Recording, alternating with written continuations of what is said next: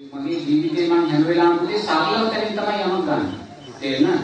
දැන් අපි කාරණා 10ක් හිතන්න ඕනේ කියලා පුතේ මේ අවිද්‍යාවයි මෝහයයි අංශ වශයෙන් කියනවා කියලා ගත්තාම අපිට ඒක පහසුයි. මොකද පොතෙන් ලබාගත් ආ වූ දැනීමක් ඇත්තටම මට නැහැ. තේරෙනවද? ඒ නිසා පුතේ මම අනාගාමී කියන කෙනා තුල දන්නේ එයාට තව උපරිම ඒකාත්ම භාවය තියෙනවා. ඒ නිසා එයා තුල අවිද්‍යාව මෝහය අංශය වශයෙන් තියෙනවා.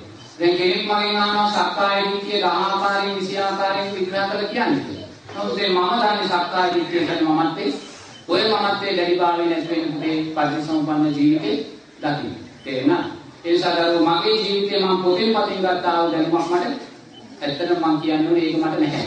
තේරෙනවද? මේ ධර්මාර්ගයේ ගමන් කිරීදී අපි දැක්කා වූ දෙයක් තමයි මට කියන්නේ. ඒ නිසා මට ඔය ඕරම්පියේ භාගම පදේ කියන එක ඇත්තටම ඕවා දැනගත්තා මම මේ ධර්මයේ කියන්නේ දැන් නම් ඔය පැටලෙනවා. තේරුණාද? ඔය පැටලෙනවා. ඒ නිසා අවාංගව මම වචන කියන්න මම දන්නේ. ඒ නිසා ඒවා අවශ්‍යනේ නැහැ. අපි අපි පැවිදි වෙච්ච දවසේ ඉඳන් කරේ අපි පුරවාගෙන හිටපු දැනුම ඉස්තර.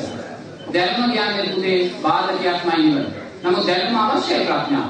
නමුත් දැනුම යම් වෙලාවකින් අපි ඒක අතහරිනවා. තේරෙනවද?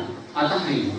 මට මතකයි මම පැවිදි වෙච්ච දවසේම රාත්‍රියේ මාව පැවිදි කරපු නායක ස්වාමීන් වහන්සේ නෙවෙයි ඊළඟ ස්වාමීන් වහන්සේ රෑ මගේ කුටියට ඇවිල්ලා මට කිව්වා සාමණේර බණදහම් පොත දීලා ස්වාමීන් වහන්සේ ආමුරුවනේ මෙන්න මේ ගාථා හතර පාඩම් කළා මට දවස් හතරකින් දෙන්න. තේරෙනවද? ඒතකොට මට වයස අවුරුදු 43යි. මට සාමණේර බණදහම් පොතේ මේක පාඩම් කරලා දෙන්න කිව්වා. තේරෙනවද? නමුත් ඒ වෙලාවේ මම ඒ ස්වාමීන් වහන්සේගේ ස්වාමීන් වහන්සේ මම පැවිදි වුණේ නැවත යමක් ඉගෙන ගන්න නෙමෙයි. නැවත දැනුම පුරව ගන්න අපි ගොඩාක් කියවලා තියෙනවා ගොඩාක් දේවල් හදාලා තියෙනවා මම පැවිදුනේ කුටේ මේ පුරවගත්තා වූ දේවල් කිස් කරන්න. ඒ නිසා ස්වාමීන් වහන්සේ මට නැවත මම පාඩම් කරන්නේ නැහැ. නමුත් ඒක මම තව කාටවත් ආදර්ශ ගන්න කියලා කියන්නේ නැහැ. ඒක වැරදි. ඒක තමයි කියේ වැරදි. නමුත් ඒ මම ආපු ගමන මම කියන්නේ. තේරෙනවද? මම ආපු ගමන කියෙදි මම ඒක වාහින දෙයක් කියනවා නම් ඒක තව කෙනෙකුට කරන්න අසාධාරණයි.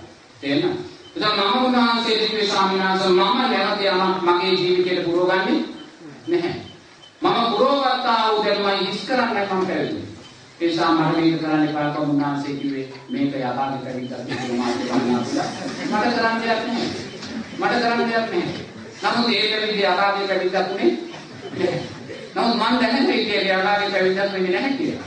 නමුත් ඒක සැබෑ බුදුරජාණන් වහන්සේගේ පැවිද්දක් වුණා. නමුත් මම කාටවත් කියන්නේ නැහැ ඔබලා පැවිදි වෙලා ඔබලාට සාමණේර බණ දහම් පොත දුන්නොත් ඒක කියවන්න එපා. ඒක ප්‍රතික්ෂේප